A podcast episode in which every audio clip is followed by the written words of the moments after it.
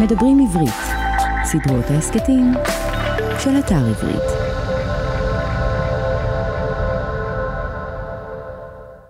שלום, אתם מאזינים לסדרת ההסכתים כותבים עברית של אתר עברית. סדרה זו היא חלק ממדברים עברית, ערוץ ההסכתים של האתר. מדי פרק נפגוש סופרת או סופר ונדבר על הרצון או הדחף לכתוב, על החיים עצמם ושלל עיסוקים אחרים. והיום אני שמח לארח את הסופרת, המשוררת והעורכת, שרי שביט. היי שרי. אהלן רפי. נתחיל? שנתחיל. אז כמה פרטים מקורות החיים הארוכים. אה, שרי פרסמה שלושה ספרי פרוזה, ברורי ההפקות, הכל זריז וכישרון דיבור, שיצא לאור לאחרונה, ושני ספרי שירה, ומה יש עוד, וכאב מרחקים. על יצירתה זכתה שרי בפרסים ומענקים רבים, ביניהם פרסי שירה על הדרך, מענק מפעל הפיס לשירה, מענק קרן גולדברג לספרות וקרן רבינוביץ'. היא ערכה מדורי ספרות ואצרה אירועי תרבות רבים. היא עורכת ספרים ותסריטים ומשמשת סקאוט ספרותי עבור חברות הפקה וגופי שידור. השנה היא מונתה לערוך את כתב העת הספרותי מאזניים. אז כמו שאמרתי, קורות, זה תקציר ועדיין קורות חיים ארוכים, ואני אשמח אם תוכלי להוסיף לנו איזה כמה פרטים שלא מופיעים בקורות החיים הרשמיים, אבל מעניינים. אמ, אז אה, יש לי פחד מאוד מוזר. מאז שאני ילדה אני פוחדת מכפתורים. כלומר, פחד בלתי מוסבר. כפתורים במצעים, כפתורים בבגדים כמובן. אין מצב שכפתור מתקרב אליי. למה? לאלוהים הפתרונים, אני לא יודעת מאיפה זה בא, אבל כשאני מספרת על זה לאנשים, זה פחד נורא מוזר. אנשים מפחדים מגובה, אנשים מפחדים ממקומות סגורים, אנשים מפחדים מנחשים, מג'וקים. אצלי זה הכפתור. אמ, עוד דבר אחר שלא כתוב בקורות החיים שלי, אבל אני מרגישה שמאוד התמקצעתי בו, אני מקפלת המון המון כביסה. ואני לא צוחקת, אה, כביסה כמטאפורה לחיי הבית. יש לי שני ילדים קטנים, ומאז שאני אימא, אתה בעצם הורה, כל מי שהורה בימינו, בטח הורים צעירים לילדים קטנים, אתה, אתה הורה ב-300 אחוז משרה. כלומר, אין שום קורלציה בין החיים המקצועיים שלך לכמות האנרגיה שמושקעת בבית. ו... ולמדתי לנהל בית על כל מה שזה אומר, גם על הדברים הטכניים של הכביסה וגם על איך יש מקום לכל היצורים האלה בבית, פשוט uh, להסתדר אחד עם השני mm-hmm. באיזושהי מכניקה שעובדת. אז, uh, אז אני גם אימא, הרבה הרבה אימא. מעניין, האמת שאני חושב שבהורות כביסה זה מוטיב חוזר. גם בשירה אגב, יש לא מעט שירה ופרוזה על כביסה. אז אה, כן, הרבה פעמים כשאני מדבר עם, אה, עם אנשים על הורות, אז איכשהו כביסה, קיפול כביסה זה דבר שחוזר, ואני מודה שהפתעת אותי עם הכפתורים. נראה לי נושא לפודקאסט בנפרד, אבל זה לא... יכול להיות. לא, כן, לא היום. אה, ובאמת בוא נדבר קצת על, על הכתיבה. את זוכרת מתי התחלת לכתוב? מתי רצית להתחיל לכתוב? כן, כשהייתי ילדה הייתי ילדה מאוד קרענית. אמ, אבא שלי עזב את הבית כשהייתי בת שנתיים, אה, אימא שלי חלתה אה, כשהייתי נערה, שנות הילדות שלי היו רצופות משברים. התייתמתי בגיל מאוד מוקדם משני ההורים שלי, ואתה יודע, גדלתי בשנות ה-80, היה ערוץ אחד בטלוויזיה, שבימי שישי לפני הסרט ערבי היה בו כתובית של נרות שבת. אה, לא היה אינטרנט עד שהייתי בת 12 או 13, בטח שלא פלאפונים וכל הדבר הזה. זה אנחנו עוד זוכרים את החיים שלפני. אני חושבת שאני, עוד מעט בת 40, אני ממש הדור האחרון שזוכר את החיים שלנו לפני כל הגירויי המדיה הבלתי אינסופיים. ומצאתי מפלט מאוד מאוד גדול בספרים, גדלתי בהוד השרון, היו כמה ספריות בהוד השרון, בעצם הייתי חולשת על כולן, אחת הייתה באיזה מרתף, אחת הייתה במתנס, והספרניות היו כבר מכירות אותי ומחכות לי עם ספרים חדשים, ו... והרגשתי שפשוט אם אני לא קוראת כל הזמן, כל הזמן, מאחרי בית ספר, ושאני תוך כדי הליכה, וכשאני עושה עוד דברים, אני, אני אפול לאיזה תהום. הספרים היו כמו איזה הרפסודה שאחרי הטיטניק, כן? כן. ו, ומכוח כך מאוד מאוד אהבתי קריאה. הכתיבה נבעה מזה, את הסיפור הראשון שלי כתבתי בבית, בבית הספר היסודי על מחברת דפתר של פעם, הוא התרחש באנגליה האליזבתנית. אה, זה היה סיפור אהבה בין אה, שני נערים, נער ונערה, בפנימ, בפנימייה. עם כל מיני מילים כמו גלוסקאה וווקביולרי, אוצר מילים שלקוח מכל הקריאה הזאת האובססיבית. ואני זוכרת את התחושה הזאת, על אף שזה היה מעשה תמים לחלוטין, שאתה מספר סיפור התחלה, אמצע וסוף. ומסיים, יש פרק אחרון שכתבת. התחושה הזאת הייתה תחושה מאוד מאוד מתגמלת. כתבתי כל החיים, והתחלתי לייצר ספרות ממש אה, כשהייתי בשנות ה-20 שלי. אמ, אז בעצם הכתיבה כרוכה בקריאה, וזה נכון גם היום? אצלי תמיד. קודם כל, הכתיבה היא הפרוזק, אוקיי? בוא, פרוזה היא הפרוזק. כלומר, בשבילי כתיבה היא, סליחה, קריאה היא, היא הליך אה, תרפויטי. הקריאה עצמה, עוד לפני שכתבתי מילה. כשאני צוללת אל תוך סיפור, אני מרגישה בטוחה. אם זה סיפור טוב, אני מרגישה מסופקת. סיפוק ש... שטלוויזיה או קולנוע או כל סוג אמנות אחר שאני צורכת ואוהבת, זה לא מגיע לאותה רמה של, אה, של השלמה או איזה זיכוך. הקתרזיס של הקריאה זה משהו שלקחתי מהילדות גם לחיים הבוגרים. ואני מאוד מאוד מחזיקה ממנו אל מול הנפש שלי. אני מרגישה שקריאה מייצבת לי את הראש, מייצבת לי את הלב, במובנים, במובנים העמוקים ביותר. ואני יודעת שיש הרבה אנשים שאוהבים לקרוא וגם סופרים שהם לא מרגישים בהכרח את הדבר הזה. אצלי זה, זה מרגיע משהו עמוק, איזו חרדה עמוקה או, או פחד עמוק מפני האסון שאורב ב, ב, בפינה. אמ, אתה, היום אגב, כשאני... אתה עדיין, את עדיין חיה עם איזושהי, או חיית עם תחושה של אסון אורב בפינה? אני בהליך אה, גמילה מהסיפור הזה, כן? מנסה שהסיפור הזה לא ינהל אותי. אבל אני אדם שעושה המון דברים ברמה המקצועית. ציינת חלק מהם בפתיח שלך, ואני חושבת שהמולטיטאסק הזה והרצון להיות בהרבה הרבה עולמות ולעשות דברים בו זמנית, הוא נובע מנביאה פנימית אה, לא נינוחה, mm-hmm. אה, ש, שבואו ניצור, בואו ניצור איזה יש מאין בשביל ש, ש, לדחות איזה בשורה. אני קצת אישה בורחת מבשורה, אני נגמלת מזה עם השנים, כי היום כבר החיים הם אחרים, אבל כן, אני חושבת שאי אפשר לקחת מאנשים את, ה... את צלקות הילדות העמוקות שלהם. אנחנו יושבים אצל פסיכולוגים במשך שנים, כותבים וקוראים ומנסים להיפטר מהדבר שכונן אותנו, אבל למעשה הדבר הזה הוא, הוא שביל מאוד מאוד חזק, הוא כמו איזה חריטה בקווי הכף יד שלנו. אבל אף פעם לא נתת בעצם לעצמך, אה, זאת אומרת, החוויות הקשות והאירועים הקשים אף פעם לא עצרו אותך, נכון? הם אף פעם לא גרמו... הפוך, דלק. דלק. זה, זה לא טריוויאלי, אבל... אני לא יודעת, תסתכל למשל, סתם, לוקחת דוגמה מהתרבות, על המאבק המזרחי, על ארס פואטיקה, אוקיי? התנועה המטורפת שעדי קיסר וחבריה יצרו בתרבות והביאו מקום לכתיבה ושירה ותרבות מזרחית והפכו את זה למיינסטרים. זה מכל זעקה, זה מכאב, זה מתחושת קיפוח, זה מ... ממקום מאוד מאוד משברי. אני חושבת שמשבר טוב, דל, יש לו פוטנציאל דליק לקחת את התרבות קדימה. אני מאוד אוהבת לזהות את המקומות האלה, גם כעורכת, גם כחוקרת ספרות, ולנסות להבין את המנגנון. ועדיין יש פה איזשהו משהו מקבילי במובן הזה שמצד אחד את לא נמנעת מהמשבר, להפך, בתור כותבת וקוראת, את כנראה מעמיקה וחושבת, ו...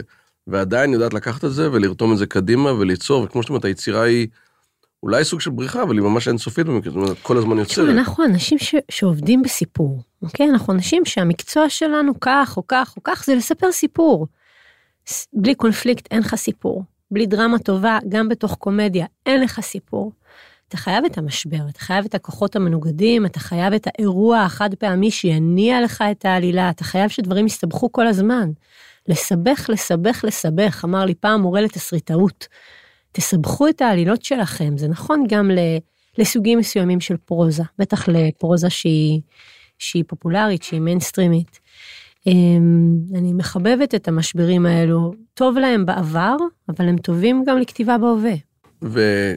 וככותבת, כתיבה זה דבר שהוא, זה משהו שהוא בודד? זאת אומרת, זה, זה בעצם תהליך, אה, זה מתאים לאנשים שהם איפשהו בודדים בנפשם? כן, שאלה טובה. אתה יודע, התשובה האובייסית תהיה להגיד שכן. אמ, אנחנו חיים בעידן לגמרי אחר, בעידן של רשתות חברתיות. אני כותבת המון המון ברשתות, בפייסבוק, סיפורים קצרים, מכתמים, טקסטים של 200 מילה על איזה חוויה שקרתה עכשיו. הרבה מהפוסטים האלו הופכים להיות אחר כך ויראליים, מאוד נראים, סיפורים קצרצרים. אז אתה כבר מייצר משהו, לפעמים אתה מייצר אותו מאוד מהר, וטאק, יש איזו תגובה מיידית.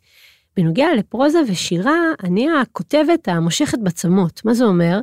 כתבתי משהו, עבדתי עליו, הוא מתבשל אצלי תקופה, אני מיד הולכת לחבריי הסופרים, לאורחות שלי, לקבוצות מיקוד שאגרתי עם השנים, של פשוט אנשים שהם קוראים טובים, ואני שואלת אותם מה הם חשבו. אני חייבת דיאלוג בשביל להתקדם בתוך טקסט. בגלל זה אני מאוד מחבבת עכשיו את עולם הטלוויזיה, כי תסריט הוא, הוא לא דבר בודד. תסריט יש הרבה ידיים שנוגעות בו כל הזמן. מצד שני, בדידות היא הכרחית לכתיבה. כלומר, בדידות היא, היא גם דלק לכתיבה. אתה חייב להיות נורא נורא לבד, ואני לא מדברת על לבד בחדר עם מקלדת בשקט. לבד במקום מאוד מאוד צלול של איזה סיפור אתה רוצה לספר, ואיזה סיפור אתה ורק אתה יכול לספר. והמקום הזה הוא לבד, אבל זה לא לבד מאיים, כי ברגע שיש טקסט, יש מוצר, אני שמה מרכאות כפולות, והמוצר הזה יכול להשתפר אם עוד אנשים יקראו אותו ויגידו מה הם חושבים עליו. דיאלוג עם אורחים ועם קולגות, בשבילי הוא מפריע את הכתיבה ולא הפוך. וכאן גם באמת נכנס העניין הזה שכשבאמת כתיבה זה משהו שהוא מאוד אישי, ואת יושבת וכותבת לבד, ונעזרת באורחים וחברים, אבל אז בסוף הספר רואה אור. ופתאום מה שהיה כל כך אה, אישי ונכתב לבד, הופך למאוד מאוד ציבורי, וגם הרבה פעמים אנשים קוראים אותו וכמובן מרגישים בצדק שהם יכולים להגיב ולתת פידבקים אה, לפעמים טובים, לפעמים גם אומרים דברים שכוונותיהם טובות ומתפרשים פחות טוב. ואיך באמת הדיכוטומיה הזאת בין לשבת ולכתוב לבד לבין להתמודד עם התגובות בחוץ? אני עומדת ללמד בשנה הבאה באוניברסיטת תל אביב קורס כתיבה שנקרא שירה אוטוביוגרפית. שזה בעצם שירה שמבוססת על החיים עצמם. עכשיו, משוררים ידעו מיד ש, שהקורס הזה הוא כמו איזה אשליה, כי שירה היא 95% מהזמן שלה היא אוטוביוגרפית לחלוטין. זה קרה לך, וגם אם זה לא קרה לך וכתבת על זה אחד לאחד, רגשית זאת החוויה שחווית. ואני גם משוררת, אני באה מהעולם של השירה, כך שהחשיפה היא לא זרה לי, היא חלק מתהליך העבודה שלי, חלק מחומרי הגלם שלי. אה, התרגלתי אליה, התרגלתי לכתוב מה באמת קרה לי, לפחות בפורמט של השירה, ו- ושאנשים קוראים את זה. עכשיו, בשנים האחרונות רצה הגורל, ושירה היא מאוד פופולרית בארץ, אפילו יותר מפרוזה, גם כי הרשתות החברתיות נותנות לה מקום, גם כי היא קצרה, ואנשים היום יותר חסרי סבלנות מפעם לקריאת טקסטים ארוכים, מאלף סיבות. אני מניחה שיר שלי ברשת על דבר שקרה לי, ולא סתם שהוא קרה לי, הוא גם כואב לי עדיין, כן? בואו נגדיל את החשיפה, או שאני יוצאת בו לא טוב, כן? כלומר, אתה מסיר את הלוט מעל האגו שלך וכותב על המקומות הכי פגיעים ורגישים שלך, ופתאום יש לייקים ותגובות, כלומר, יש את הדבר הזה. התרגלתי לחוויה הזאת, היא חוויה מוזרה, היא חוויה שהולכת כנגד uh, מנגנוני ההגנה של הנפש, אבל ברגע שצולחים אותה, מבינים שאין הרבה מה לפחד. אמ, תגובות, אתה יודע, אני כל כך הרבה שנים בתוך העולם הזה של הספרות, כבר ראיתי הכל. ראיתי ספרים, לא שלי, של אחרים, שיורדים עליהם ירידות רמות, מבקרי העל, ושמכרו אחר כך 300 אלף עותקים והפכו לספרים חובקי עולם. ראיתי הפוך, ספרים שאני חשבתי שהם מזהירים וגם העלו אותם על נס והסופרים האלו פשוט נעלמו והפסיקו לכתוב כי הספרים לא, לא מילאו, לא עשו את העבודה מבחינתם. תגובות לכאן ולכאן תמיד יהיו. אצלי המצפנים הם לא בחוץ. זה יכול באותו רגע מאוד לערער אותי או להרגיש לא נעים, אבל זה עובר אחרי יממה. המצפנים האמיתיים שלי זה, זה האורחים שאני עובדת איתם, אורחות ואורחים, בעיקר אורחות, גם באופן מקצועי לאורך השנים כשערכתי ספרים ולמדתי מהם את מלאכת העריכה, ובטח ובטח כשמדובר על היצירה שלי, עם uh, העורכת שלי, וזה קרה לי פעם, אני אגיש לה כתב יד והיא תגיד לי, זה ספר לא מספיק טוב, זה לא, זה לא מתרומם. אחרי שנעבוד עליו וננסה אותו, אני אקשיב לה. היא תגן עליי מלפרסם ספר בינוני, למשל. אם אחר כך אני אפרסם ספר שבעיניי עשיתי הכי טוב שאפשר, ואנשים בחוץ יחשבו שהוא בינוני ולא לא יקנו אותו, לא יקראו אותו, ישנאו אותו, אז, אז זה כבר לא בשליטתי, אבל uh, למזלי זה, זה גם בינתיים לא קרה לי. אני לא אדם מאוד יצרני, אני לא סופרת כזאתי שעד גיל 40 פרסמה מיליון ספרים, זה נשמע אולי שכן, זה נשמע כאילו הרבה, אבל כישרון דיבור הוא פואמה, הוא פואמה נרטיבית, הוא ספר מאוד קצר. הספרים האחרים שלי היו שני ספרי שירה, ואת שני ספרי הפרוזה הראשונים שלי פרסמתי שהייתי כל כך צעירה שאני כבר לא זוכרת מי כתבה אותם. אז מבחינתי אני עכשיו במובנים רבים רק מתחילה. נראה מה יהיה. יפה. ובעצם מה שאת אמרת על שירה, זה, את בעצם אומרת ששירה זה סוג של שקיפות.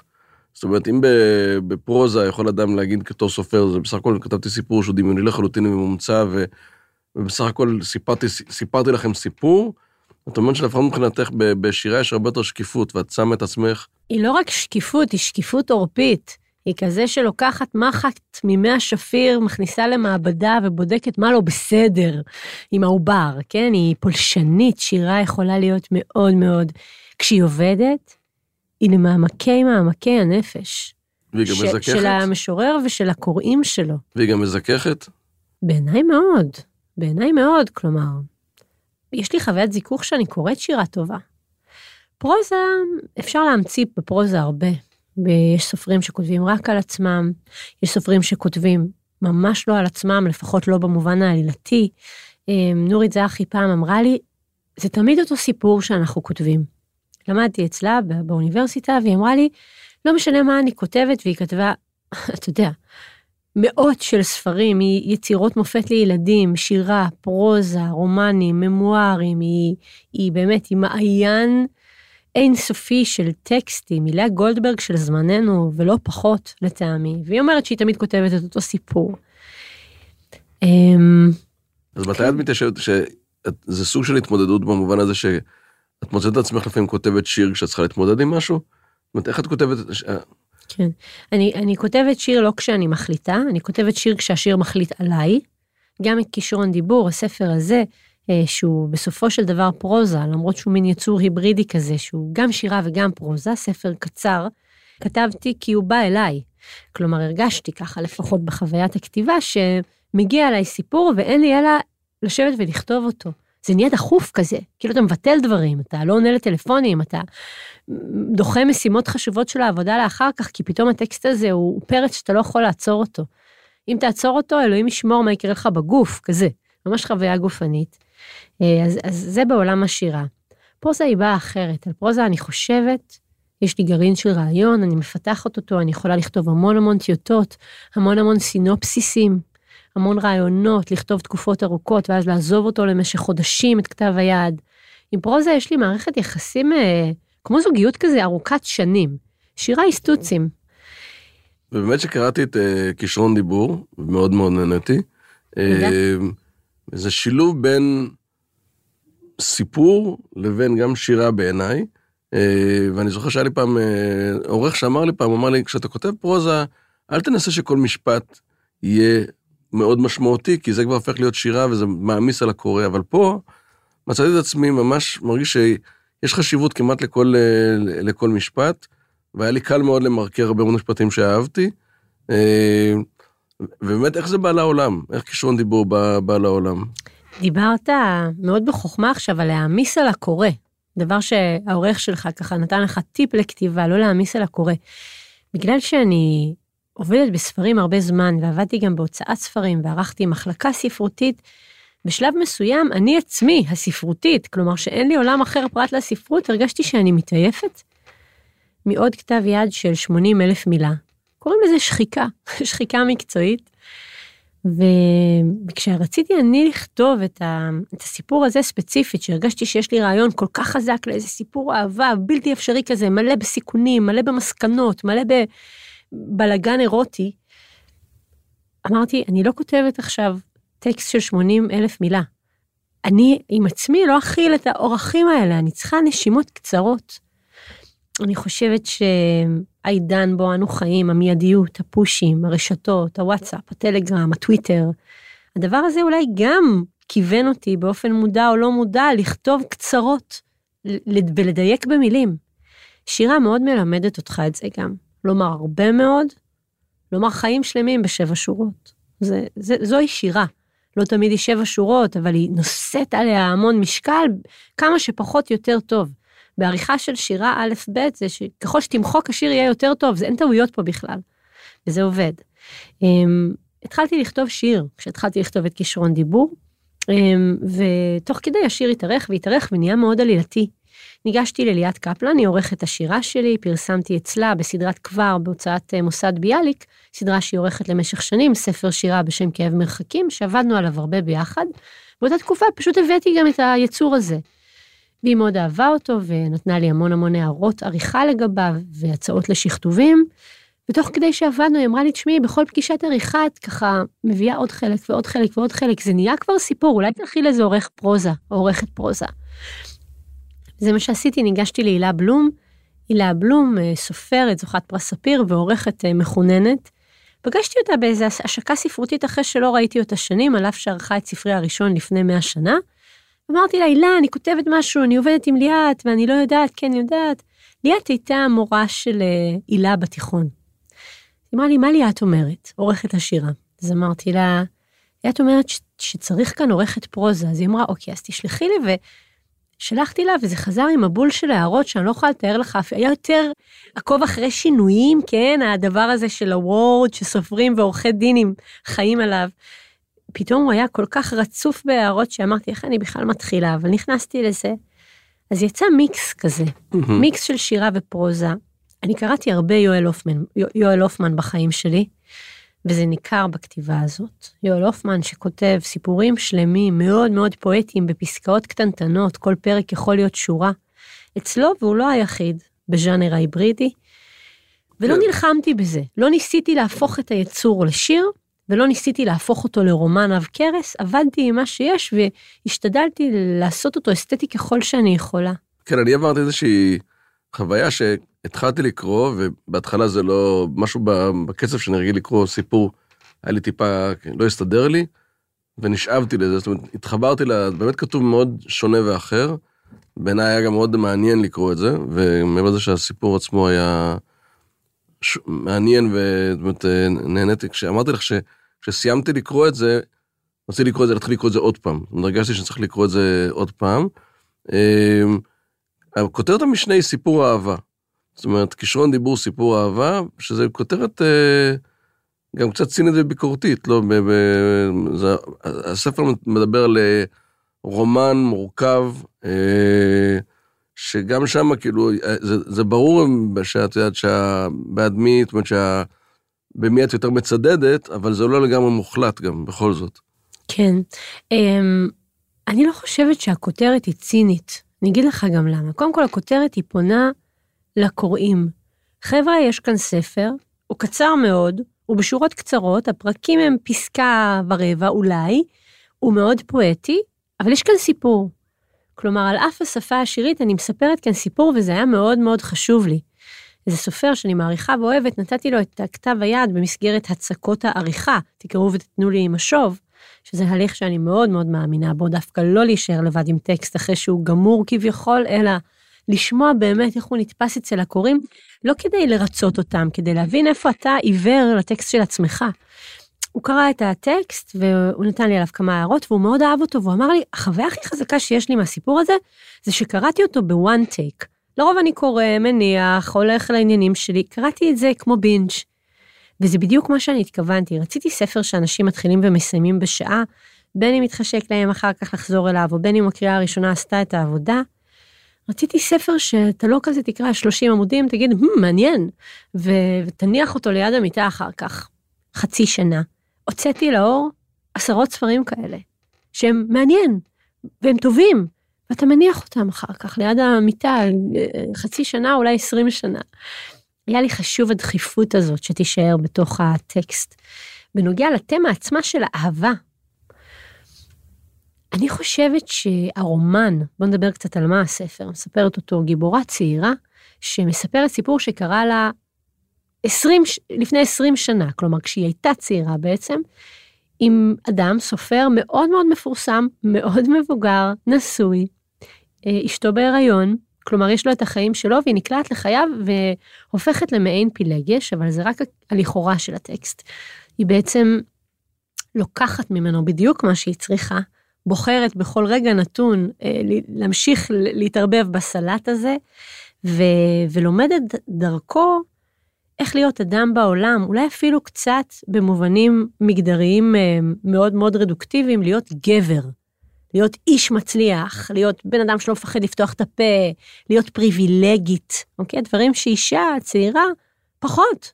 בטח ובטח אה, בעולם הספרות, שהוא עדיין, גם היום, נשלט על ידי גברים, בוועדות שבוחרות אה, מי מקבל כסף, אה, מענקים ספרותיים, בפרסים הספרותיים שמחולקים, באנשים שיושבים בראש מנגנוני הכוח ומנהלים הוצאות ספרים, זה עדיין עולם ש... שהוא עדיין עולם גברי. באמת? נכון? זאת אומרת, למרות שהרוב זה קוראות, ויש הרבה מאוד סופרות, את עדיין רואה את העולם הזה כעולם אה, גברי. אני לא מדברת על הקורות, אני לא, לא, מדברת על אני מי אומר- שמנהל כן, את כן, אומר, העולם. זאת אומרת, עדיין בראש הפירמידה זה עולם גברי. עדיין, לצערי, לא, לא בהכל, יש שינויים, אבל, אבל הם עדיין, אתה מרגיש שהמרחב הוא עדיין גברי, אתה מרגיש שאישה שמצליחה בעולם הזה צריכה נורא נורא לפלס לעצמה דרך. גם הנשים הכותבות המפורסמות ביותר, שנועה ידין זכתה בפרס ספיר, זה כבר קרה לפני עשור, הייתי אז עיתונאית, עבדתי בוויינט וישבתי בטקס וסיקרתי אותו, ואני זוכרת שנורא נורא שמחתי שנותנים לאישה. זה היה מאוד לא רגיל אז, מאז, למזלי, עוד כמה וכמה נשים זכו. בפרסים והגיעו לרשימות הסופיות, אבל, וזה רק דוגמה לפרס שהוא מאוד, אה, יש לו המון נראות, גם ברבי המכר או בכלל. אה, במובן הזה, כל אישה שמרימה ראשה, וזה בכלל לא משנה אם כעורכת או כקוראת אני אוהבת את הכתיבה שלה או לא, אני מראש בעדה. כי אנחנו צריכות עדיין נשים כאלו אה, בתרבות בכלל. אני. חושבת ש, שזה לא רק של ספרות, אני חושבת שזה בקולנוע גם. תראה את הבמאים המצליחים שמגיעים לפסטיבל כאן, אה, שמגיעים לסיומות של פרסי אופיר. אה, אני, אני רוצה לחשוב שבעולם הטלוויזיה זה, זה אחרת. אה, כן, עדיין אנחנו, האישה שצריכה להיכנס לחדר, אמא שלי פעם אמרה לי, אמא שלי הייתה אישה בעולם של גברים. גם הייתה גרושה אלמנה כזאת, שלא הכניסה עוד גבר הביתה אחרי שאבא שלי נפטר, הייתה מאוד צעירה. גם הייתה קרייריסטית, עבדה, ב, הייתה עובדת מדינה במין גוף כזה שכולו היה גברים והיא ניהלה שם מחלקה, זה היה מאוד מאוד חריג. והיא אמרה לי, כשאת נכנסת לחדר, מעבר לזה שאת צריכה לפתוח את הפה ולהגיד מי את כדי שישמעו אותך, אל תהיי הכי יפה בחדר. לא משנה איך את נראית בהכרח, כשאת פותחת את הפה תהיי הכי יפה. כששומעים אותך מבינים מי את. היא בטח אמרה את זה במילים קצת אחרות, אני כבר לא זוכרת, זה היה לפני איזה 30 שנה או 20 ומשהו שנה, אבל אני, אני זוכרת את המסר. שהיא אמרה לי, את רוצה כוח, תדעי איך לדבר עם אנשים. ו- והדבר הזה הוא נורא נורא דומיננטי בחיים שלי. שים לב, לספר שלי קוראים כישרון דיבור, מהמם, לא כישרון כתיבה, כן. או קריאה, או כל דבר אחר. איך לדבר, איך לנכוח בעולם. את חושבת שיש שינוי? אומרת, מרגישה את ה... שכן מרגישים בכל זאת שינוי שקורה ב... בעולם הספרות, בכלל בתרבות הישראלית. בהחלט, אני, אני רוצה לציין פה כמה נשים שאני עוקבת אחר אה, כתיבתן ואחרי פועלן.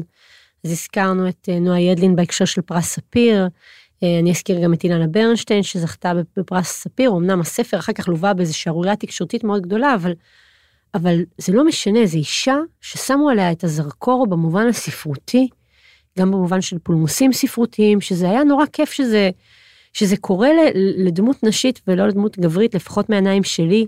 עדי קיסר שציינתי את ארס פואטיקה, מאיה טבת דיין שהיא משוררת, שהיא משוררת מאוד פופולרית, אבל היא לא הסתפקה רק בזה, היא עכשיו, אה, היא בעצם נושאת קול חדש, שמטרתו הוא לספר סיפור חדש על נרטיב נשי, לא רק בתרבות, בחיים בכלל. איך תופסים נשים במודעה של קסטרו בפרסומת, איך תופסים נשים בפרסומת למתנס בעיריית גבעתיים שמוכרים חוגים לנשים, איך תופסים נשים בתרבות הבוטוקס והביוטי. שהן מחויבות היום אה, להיפרד מכל האלמנטים של הזקנה, והיא עושה עם זה עבודה מאוד מאוד יפה ברשתות וגם בשירה שלה, ואני, מבחינתי זה, תשמע, יש לי ילדה, היא בת ארבע, היא עוד שנייה תהיה בגיל שלי, כי ילדים גדלים נורא מהר.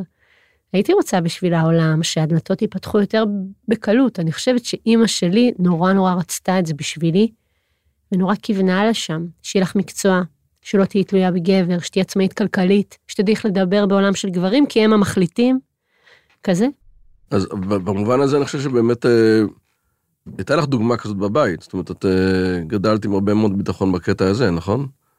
הייתה לי רק את הדוגמה הזאת. לא כן. היה אבא, לא הכרתי אחר. אתה יודע, אני הרבה פעמים קולטת שאני מספרת את הסיפור שלי לאנשים אחרים, ופתאום יש להם איזה מבט כזה בעיניים. היום עוד מילא שאני כבר גדולה, אבל כשהייתי בת נגיד 19 בלי הורים, כן? אנשים מסתכלים עליי כזה, קצת אה, מרחמים או מפחדים, מה היה קורה אם זה היה לי, הייתי נשאר בלי הורים, הייתי בתיכון, נורא צעיר וזה. אני לא הכרתי סיפור אחר, לא היה אבא וזהו, נתון. הייתה אימא והיא זאת שהייתה, זה היה המודל. Mm-hmm. אני חושבת שזה מודל לא רע. לא היה לי שניצלים ב-12 בצהריים כשהייתי חוזרת מבית ספר. גם לא היה הרבה דברים. כן. אה, והיה לחץ, והיו בעיות, והיה צריך לנהל את הבית הזה ולקלקל את הבית הזה לבד, אבל המודל הזה של, אה, שלא להתפשר על החיים בגלל שאת אישה, אלא להפך, זה מודל שהוא היה חד משמעי אצלה. מעניין. אם נחזור רגע לכתיבה שלך, אה, קודם כל את עושה דברים מאוד, זאת אומרת, לכתוב גם שירה וגם פרוזה וגם עריכה זה תחומים שהם כמובן קשורים, אבל מאוד מאוד שונים. אה, זה, זה משפיע לטובה, יש לזה גם דברים שזה משפיע פחות לטובה, זאת אומרת, היותר, היותר עורכת, מקשה עלייך לכתוב את הפוזה של עצמך, או שעוזר לך? אמ, אני לא חושבת שזה מפריע בכלל.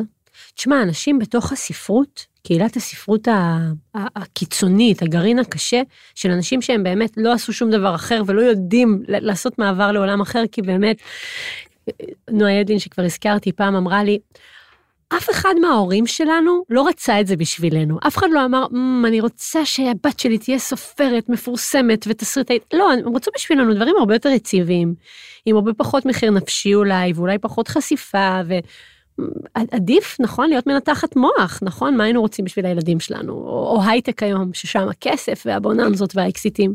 בספרות אין כסף. יש דברים אחרים, אבל זה, זה לא כסף, זה אולי פרנסה. אמ, אז האנשים בתוך הספרות שהם שהם לא יכולים לעשות שום דבר אחר, הם כולם עושים מה שאני. הם גם סופרים והם גם עורכים. הם גם עיתונאים והם גם כותבים ספרים. הם גם מבקרים והם גם מתרגמים. כן. הם גם מלמדים באוניברסיטה. זה העולם, וזה ככה בכל העולם. כלומר, זה, זה גם באירופה זה מאוד ככה. אתה תראה, באיטליה למשל, כמעט כל הסופרים הם איכשהו חברי אקדמיה גם, בין אם כמורים לכתיבה יוצרת ובין אם כחוקרים, זה, זה המהלכים הטבעיים. Mm-hmm. אה, הסיבה שאני אולי התפרסתי ככה בצורה יותר דרמטית, קודם כל זה היה הבהילות להסתדר בחיים. אתה יודע, הייתי לבד, הייתי צריכה לשלם שכר דירה, לשלם שכר לימוד, לשלם דלק לאוטו. הייתי חייבת לארגן את זה, אז ארגנתי מכל הבא ליד. עם השנים, יש לי המון המון כבוד לעריכה. אז התמקצעתי, כלומר הלכתי ולמדתי את זה. הרבה סופרים אה, מגיעים לעריכה מפאת אה, צורך כלכלי, והרבה אורחים מגיעים לעריכה ספרותית, או הגיעו פעם לפחות מהעיתונות. גם עשיתי את הדבר הזה, אבל גם הלכתי ולמדתי עריכה באוניברסיטה, וגם היו לי אורחים מנטורים שישבתי להם כשוליה ככה, כמו איזה איש קטן של פינוקיו על הכתף, וראיתי מה הם עושים. זה מאוד מאוד עזר לי. באשר לכתיבה שלי זה אף פעם לא הפריע, אני רוצה לחשוב שאולי זה עוזר. אני מהמחמירים עם עצמי. Mm-hmm. אני לעולם לא אתאהב בטקסט שלי ואגיד, איזה יפה יצא לי. על השכבה הראשונה או השש עשרה, אני תמיד אחפור בו ואחפור בו, אצטרך עוד פידבקים בשביל להבין מה עובד ומה לא עובד. אמ, סטיבן קינג כותב בעל הכתיבה, כותב, מקדיש את הספר שלו, את ממואר בעצם, ממואר ספרותי שהוא כתב גם על החיים שלו וגם על איך הוא נהיה, איך הוא הפך לסופר, עם המון עצות פרקטיות אגב, מאוד כדאי לקרוא את הספר הזה. הוא מקדיש את הספר לעורך שלו והוא כותב, לכתוב זה דבר אנושי, לערוך זה דבר אלוהי. אני מאוד כן, מסכימה עם זה. כן, אני חושב שמי שכותב יודע כמה חשוב להעריך את ה... עורך טוב זה דבר שהוא נדיר, זאת אומרת, אם אתה מוצא את החיבור. לצערי הוא גם קצת נעלם מהעולם. הפונקציה הזאת קצת מתחילה להיעלם, בגלל שתחום הספרות הופרט, והיום המון המון אמנים, גם בעלי שם, מוציאים ספרים לבד, הדסטארטים או מימון עצמי, היום זה, זה נהיה הדרך היחידה בעצם, כי להוצאות הספרים יש הרבה פחות מימון, וגם כי... ספר זה הוצאה כלכלית, אבל זו הוצאה כלכלית שכמעט כל אחד יכול לעמוד בה, ולפעמים אפילו מחזירה את ההשקעה של עצמה די מהר. המערך היום הוא כמו בתעשיית המוזיקה, אנשים עושים את זה לבד, והרבה פעמים הם לא לוקחים עורך, כי הם חושבים ש... שהם יודעים לבד. אותי זה מאוד מצער, כי, כי זה ניכר באיכות היצירה. כן, אני מסכים. אני חושב שעורכת טובה, עורך טוב זה דבר שהוא ממש הכרחי, כדי שהיצירה תהיה מושלמת, בוא נגיד ככה. מושלמת כדי לצאת לאור, לא דווקא מושלמת כמושלמת. זה גם דיאלוג מרתק. זה דיאלוג מרתק, אממ, כשאנחנו, קוראים את המכתבים בין ריימונד קארבר לעורך שלו למשל. אתה מבין הרבה דברים על ריימונד קארבר, קארבר שהוא לא הבין על היצירה שלו, ואתה מבין שהוא ככל הנראה לא היה נהיה. מישהו, כזה, כן. כן, מישהו, כזה סופר מדויק ונחשב, שמצליח להחזיק במסר הזה של, ה, של הדקדנס האמריקאי של זמנו, לולא מישהו היה אומר לו, תשמע, על זה אתה כותב, וזה צריך לרדת, ופה אתה חייב לדייק יותר, וכאן אתה ממחזר את עצמך. כן, אה, העורכת הראשית שלי, אה, עינת ניב, כתבה איזשהו משהו על הספר שכתבתי, שרק כשהיא אמרה אותו, באיזשהו מקום הבנתי על מה כתבתי. זה היה בזה איזושהי מין ראייה מאוד מפוקחת שקשה לי... דוקטור, אה, דוקטור סמדר שיפמן היא הייתה חוקרת באקדמיה, בין השאר היא חקרה את פוקנר ועוד המון המון סופרים עבריים, היא כבר לא בחיים, היא, היא נפטרה מקורונה במהלך המגפה בגיל די צעיר, מאוד אהבתי אותה, הייתה מורה שלי. אה, היא תמיד אמרה שהספרים הרבה הרבה יותר חכמים ממי שכתב אותם. טוב, נעבור לאיזשהו שאלון קצר, יאללה, קצת יותר... אה, אז ככה, בוקר או ערב? בוקר, בערב אני עייפה, מקבלת כביסה. טלנובלה או מתח? גם וגם, וואי, טלנובלה זה החיים ומתח זה גם. כתיבה או עריכה? שאלה קשה, אני שם לב שאצלך זה הרבה גם וגם, דרך אגב. נכון, זו שאלה קשה, אני צריכה לחשוב על זה. עבודה או חופשה? עבודה, junk food או גורמה? junk food, מוזיקה או שקט? מוזיקה, עט או מקלדת? מקלדת. בתקופת, אם לפני המקלדת, את חושבת שהיית כותבת באותה, באותה מידה, או שזה היה משפיע? לכתוב באותה בעט. מידה. אני, אני עוד קצת זוכרת את התקופה ההיא של עד שהמקלדת ממש השתלטה על חיינו, ומילאתי הרבה יומנים ומחברות בכתב יד. קר או חם? חם, מטרה או דרך? מטרה. והאם תעדיפי תמיד להקדים בשעה, או לעולם לאחר ב-20 דקות? להקדים בשעה. ולסיום, יש איזו שאלה שעוד אף פעם לא שאלו אותך והיית שמחה שישאלו אותך? איפה את חושבת שאת צריכה להשתפר? לא שואלים את זה אף פעם בראיונות ובשיחות מהסוג הזה, נכון? אבל יש לי אני חושבת, שאלה ראויה. אני בטח שיש לך תשובה גם לעצמך בטח.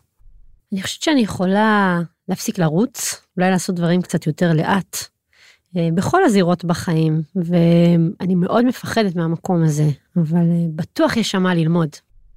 טוב, שרי, תודה רבה. תודה, היה ממש, רפי. ממש מרתק, ושמחתי מאוד לארח אותך. שמחתי להתארח, תודה. האזנתם לכותבים עברית, סדרת ראיונות עם סופרות וסופרים במסגרת ערוץ ההסכתים של אתר עברית.